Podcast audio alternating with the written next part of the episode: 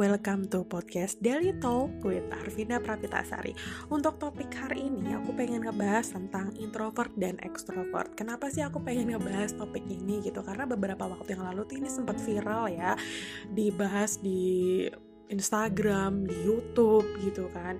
Ya nggak apa-apa gitu loh. Introvert tuh dimaafkan karena memang dia pada dasarnya pemalu, pendiam dan susah berkomunikasi dan bla bla bla. Dan se semakin banyak stigma-stigma dan labeling tentang introvert dan extrovert ini. Cuman hari ini aku pengen sharing aja ke teman-teman gimana sih kalau misalnya introvert dan extrovert itu dibahas secara teoretikalnya gitu. Sebelum aku take podcast ini aku sudah mencoba untuk membaca beberapa buku dan juga jurnal dan artikel yang bisa mendukung untuk materi hari ini. So, kalau misalnya memang masih ada yang kurang atau masih ada yang kurang tepat dari penjelasan aku, bisa nanti um, teman-teman bisa nge-DM aku melalui Instagram. Oke. Okay nggak usah babi gue lagi aku udah uh, mencoba mempersiapkan materi ini dan uh, coba kita bahas satu persatu ya kita kuliti satu persatu dari definisinya dulu oke okay, enjoy Nah, dari secara definisinya dulu ya, aku mau bahas secara definisi secara universal, secara um, generalisnya dulu. Si introvert dan extrovert ini tuh sebenarnya apa sih?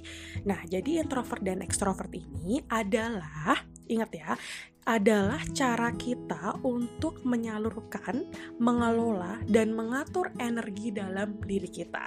Jadi pada dasarnya aku nih sebagai manusia, aku tuh selalu punya energi setiap hari untuk hidup. Nah, cara aku menyalurkan energi itu tuh melalui melalui bisa introvert, bisa extrovert kayak gitu. Tinggal kalian ini tuh nanti condongnya cenderungnya ke mana kayak gitu. Jadi intinya introvert extrovert itu adalah um, cara kita untuk menyalurkan dan mengelola energi dalam diri kita ini gitu. Karena energi dalam diri kita ini kan pasti harus dikelola dong, harus diatur dong. Dan siapa yang tahu cara mengaturnya itu ya diri kalian sendiri, diri aku sendiri kayak gitu. Serta bisa didefinisikan juga introvert dan extrovert itu adalah cara kita sebagai manusia untuk untuk menyalurkan ide gagasan dalam diri kita.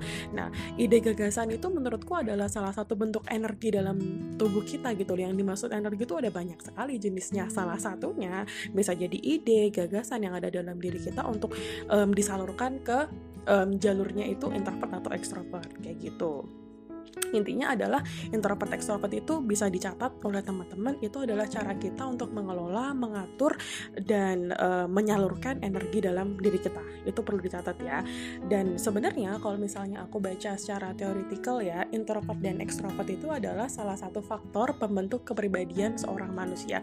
Benar sih sebenarnya kalau misalnya kepribadian manusia itu itu faktor pembentuknya tuh ada banyak sekali. Kayak Arvinda nih. Arvinda itu bisa menjadi orang yang pribadinya seperti ini ya pasti faktor pembentuknya banyak sekali gitu. Bisa dari uh, lingkungan aku bisa dari pengalaman hidup aku bisa jadi dari genetika aku pola asuh aku dan juga bisa bisa jadi dari faktor sikap. Nah Introvert dan extrovert ini termasuk ke dalam salah satu faktor pembentuk kepribadian yang masuk ke dalam faktor sikap bisa diatur secara introvert atau extrovert sikap kita. Nah, sikap ini salah satu faktor pembentuk kepribadian.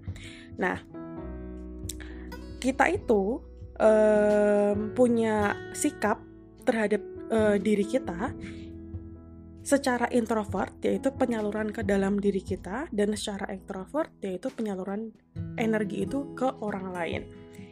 Nah, bagaimana kita mengatur sikap itu itu yang nantinya bisa mempengaruhi si kepribadian kita. Jadi intinya introvert dan extrovert itu adalah salah satu faktor yang bisa membentuk kepribadian kita sebagai manusia. Intinya sih itu. Yang pertama kuncinya adalah tadi introvert dan extrovert itu adalah cara kita menyalurkan energi dan mengelola energi dalam tubuh kita. Yang poin yang kedua yang harus dicatat adalah introvert dan extrovert itu adalah faktor pembentuk dari kepribadian kita sebagai manusia.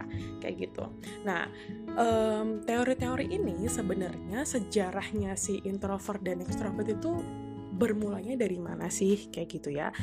Introvert dan extrovert ini awalnya itu dicetuskan oleh salah satu ilmuwan dan psikolog dari Swiss namanya Carl Gustav Jung. Kalau misalnya anak-anak psikologi tuh manggilnya tuh Jung, si bapak Jung ini di tahun um, 1920-an Jung ini itu um, mengemukakan berbagai macam teori kepribadian. Salah satunya adalah teori introversion dan extraversion atau yang sekarang kita sering um, dengar dan kita sebutkan itu adalah introvert dan extrovert.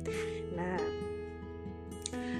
uh, si Jung ini menjelaskan bahwa poin pertama introvert dan extrovert itu adalah termasuk teori sikap yang tadi aku jelasin ya, di mana sikap ini bisa mempengaruhi kepribadian kita sebagai manusia. Terus eh, sikap ini adalah bagaimana manusia itu bisa memiliki kecenderungan kecenderungan bersikap untuk mengekspresikan energinya itu keluar dan bisa mengekspresikan ide-ide gagasannya itu ke dirinya sendiri. Itulah yang dinamakan um, teori extraversion dan introversion. Nah, pada dasarnya menurut Jung ekstraversi atau extraversion atau extrovert itu adalah penyaluran diri yang mengarah pada pribadi yang keluar dan introversion atau introvert itu adalah cara kita mengalur energi, mengatur energi kita mengarah ke pribadi ke dalam seperti itu.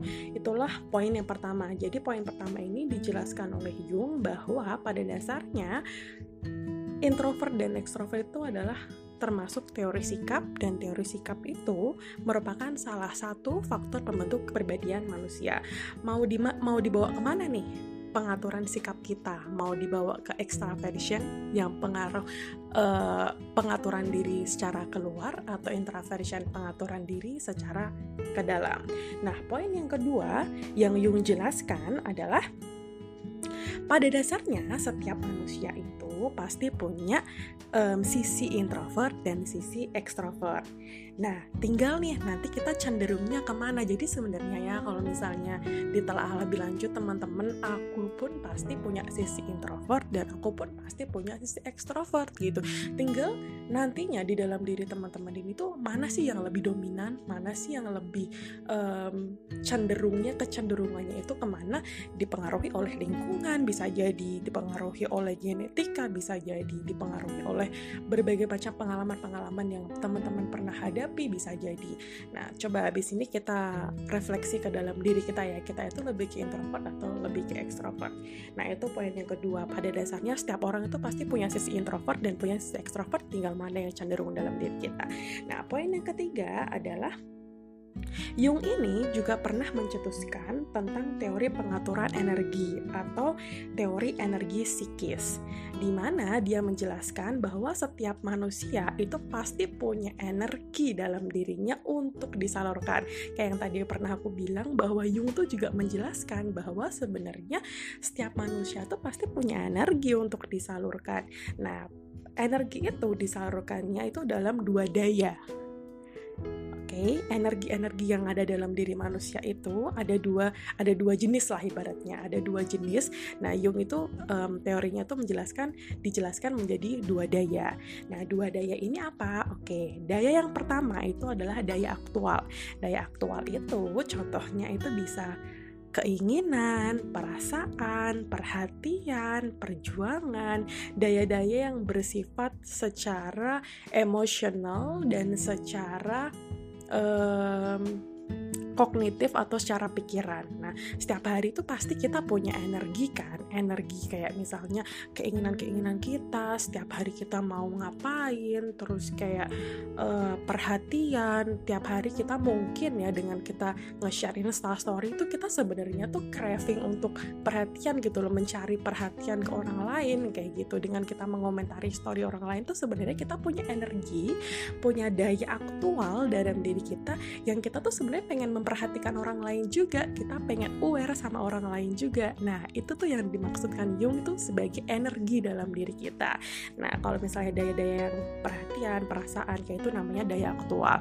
Satu lagi yang kedua yang pertama daya aktual yang kedua adalah daya potensial. Daya potensial itu lebih ke teknikal. Kayak misalnya bakat hobi kesukaan kecenderungan sikap. Kayak misalnya energi untuk menyanyi energi untuk melukis itu kan hobi kan itu kan bakat kan. Nah itu yang disebut you itu daya potensial. Nah, di sini jadi teman-teman sudah bisa mulai menggambarkan ya sebenarnya energi yang dimaksudkan introvert dan extrovert itu energi yang seperti apa biar lebih uh, konkret gitu ya. Jadi energinya itu tuh ya bisa jadi keinginan, ide, gagasan. Terus kalau misalnya bakat itu ya kayak kamu punya energi untuk menyanyi, menggambar. Kayak sedih nggak sih kalau misalnya kalian punya bakat untuk menyanyi tapi kalian tuh nggak bisa menyalurkan energi itu gitu. Kalau kalian punya bakat apa ya menggambar tapi kalian nggak punya daya untuk menyalurkan energi itu. Jadi kan endingnya nanti energi kalian tuh tidak tersalurkan. Nah manusia itu butuh penyaluran energi ini bisa secara introvert, bisa secara ekstrovert. Daya-daya atau energi ini tuh harus disalurkan gitu loh. Nah, um, bedanya apa? Sekarang tuh pertanyaannya adalah sebenarnya um, kita itu menyalurkan energi kita melalui introvert dan ekstrovert itu tuh pada dasarnya apa sih, Vin? Nah, ini aku mencoba untuk ngejelasin secara spesifik lagi penyaluran energi kita secara introvert dan ekstrovert itu seperti apa.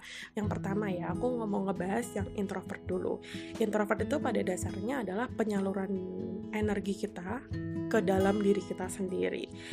Jadi, introvert ini adalah kondisi di mana seseorang itu lebih senang menyalurkan energinya ketika dia berdialog dengan dirinya sendiri. Kayak misalnya nih, aku punya ide, punya gagasan, punya suatu keinginan.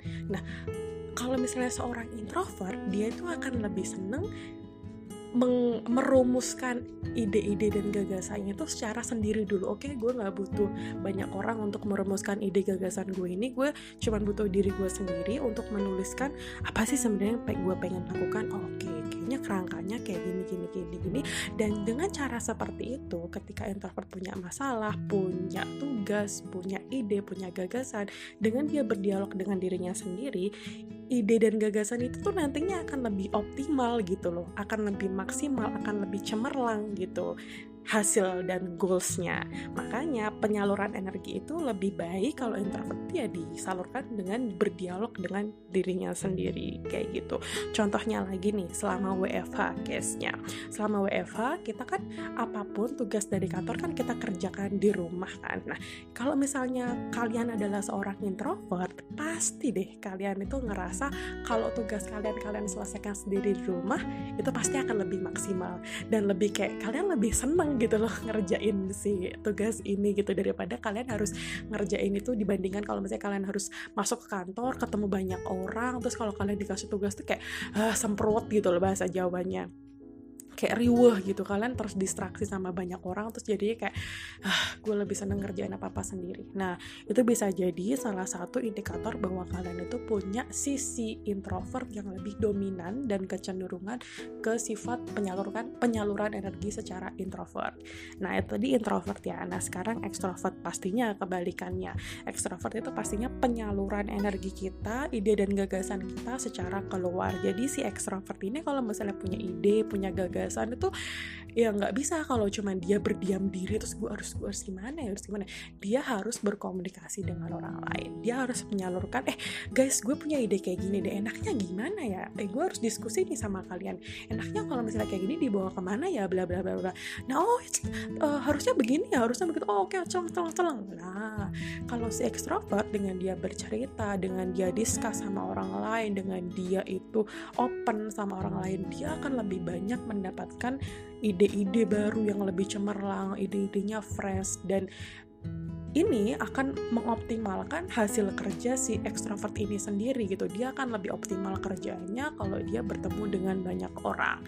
Kayak gitu dalam kondisi WFH seperti ini yang harus memperkerjakan apa pun di rumah, wah bisa jadi si ini akan sangat gelisah gitu loh karena ya mau gak mau dia harus mengerjakan apa pun tuh sendiri kayak gitu. Nah ini tantangan si introvert dan ekstrovert. Kalau introvert ya memang dia nggak bisa terdistraksi oleh banyak orang. Kalau ekstrovert ya ya mau nggak mau ya ya kalau misalnya lagi WFH kayak gini harus bagaimana caranya mendapatkan orang lain untuk diajak di discuss sama dia kayak gitu.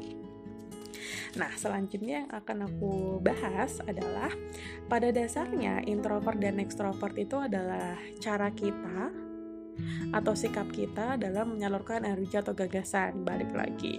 Nah, salah satu dan uh, pada dasarnya si introvert dan extrovert itu adalah salah satu faktor yang bisa mempengaruhi kepribadian kita itu yang harus kita ingat ya.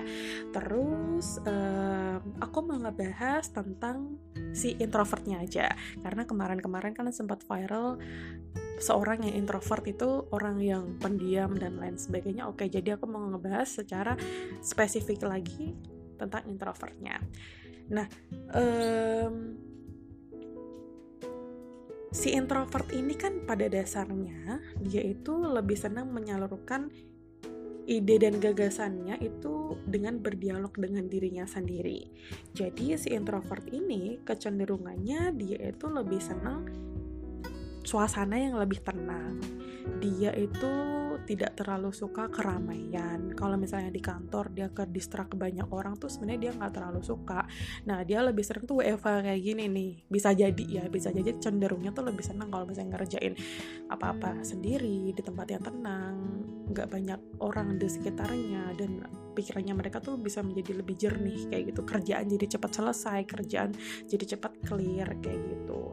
Terus uh, si introvert ini juga indikatornya adalah dia lebih senang melakukan apa pun itu sendiri kayak misalnya eh gue mau gue lagi pengen belanja nih ke ke minimarket gitu ya. Ah ya udahlah gue pergi sendiri aja lah daripada um, ngajakin orang lain nanti ribet. Nah dia itu akan lebih mudah menemukan barang-barang yang dia beli dia akan lebih cepat dia akan lebih efisien belanjanya kalau dia itu pergi ke mana-mana sendiri.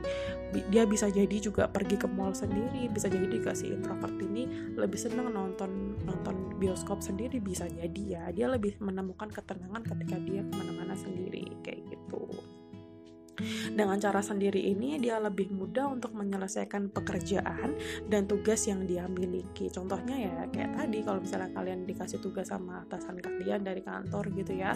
Kalau misalnya kalian WFA kayak gini, kerja ini kerjaan kalian sendiri terus kalau kalian tuh introvert ya kalian akan lebih seneng gitu karena e, menurut si introvert ya dengan dia sendiri ini tugasnya dan pekerjaannya akan cepat terselesaikan dan lebih efisien karena mereka tuh senang banget kesendirian dan keheningan kayak gitu.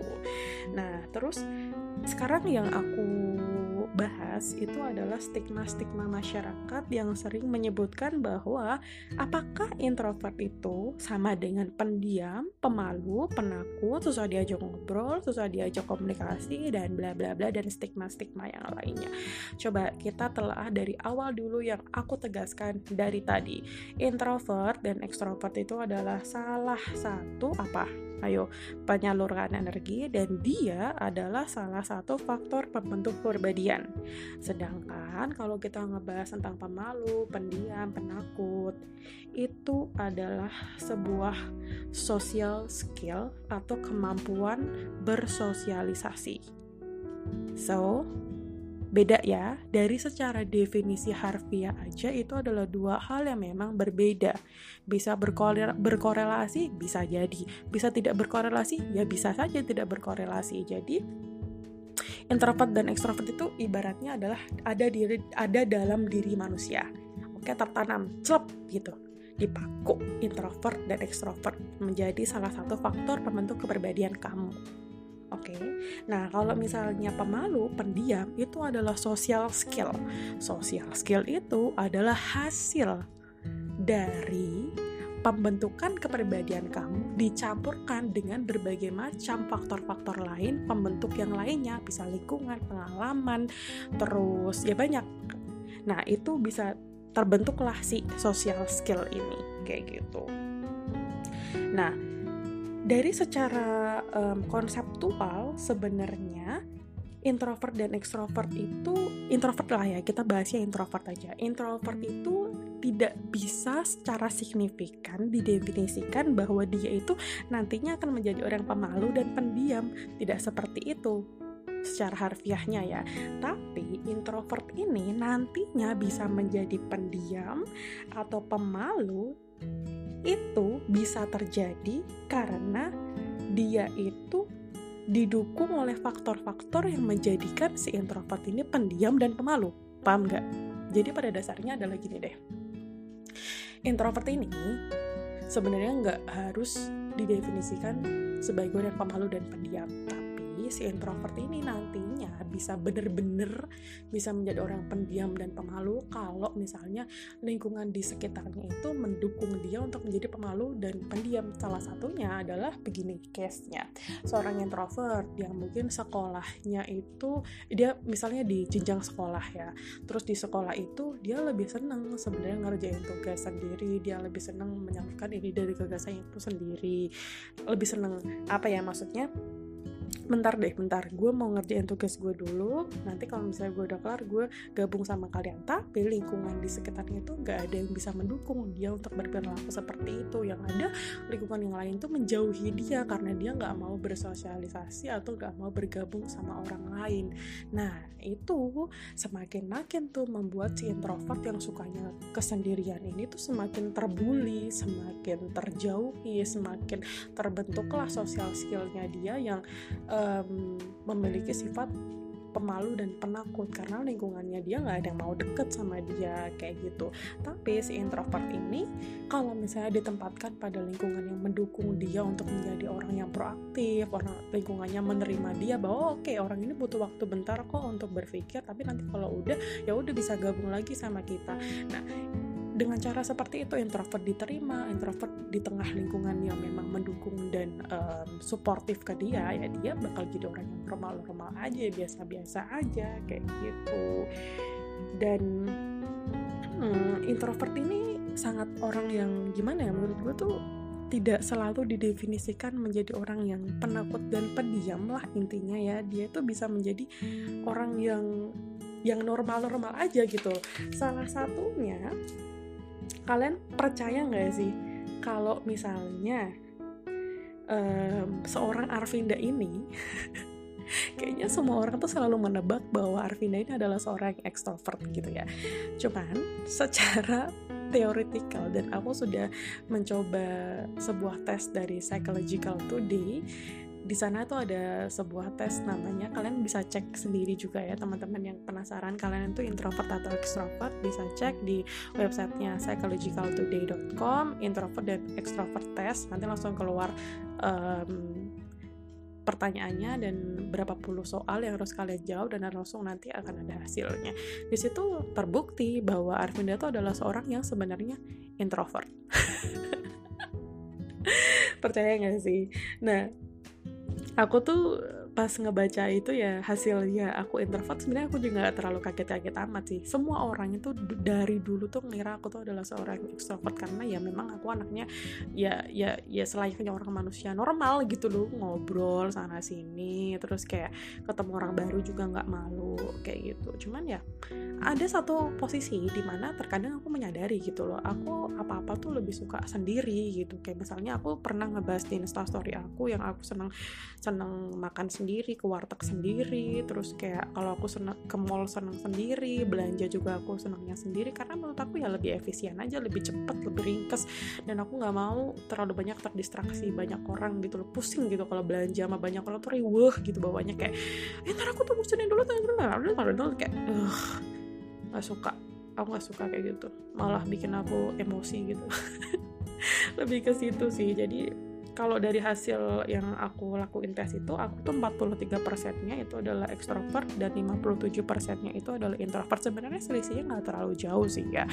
Nah makanya dari itu maka dari itu aku tuh ngerasa sebenarnya aku tuh nggak yang literally benar-benar sesungguhnya literally nggak yang benar-benar aku tuh introvert atau nggak ekstrovert nggak. Sebenarnya aku tuh mendefinisikan diri aku mungkin ambivert kali ya antara kedua itu. Tapi kalau ngomongin ambivert sebenarnya kalau secara teoretikal ya dari yang aku baca di buku Carl Gustav Jung atau Jung penemu si teori introvert dan ekstrovert ini tidak menjadikan dan tidak mendefinisikan um, kepribadian kita itu menjadi tiga introvert, ambivert, dan extrovert. Enggak dia cuma ngebagi itu menjadi dua introvert dan extrovert.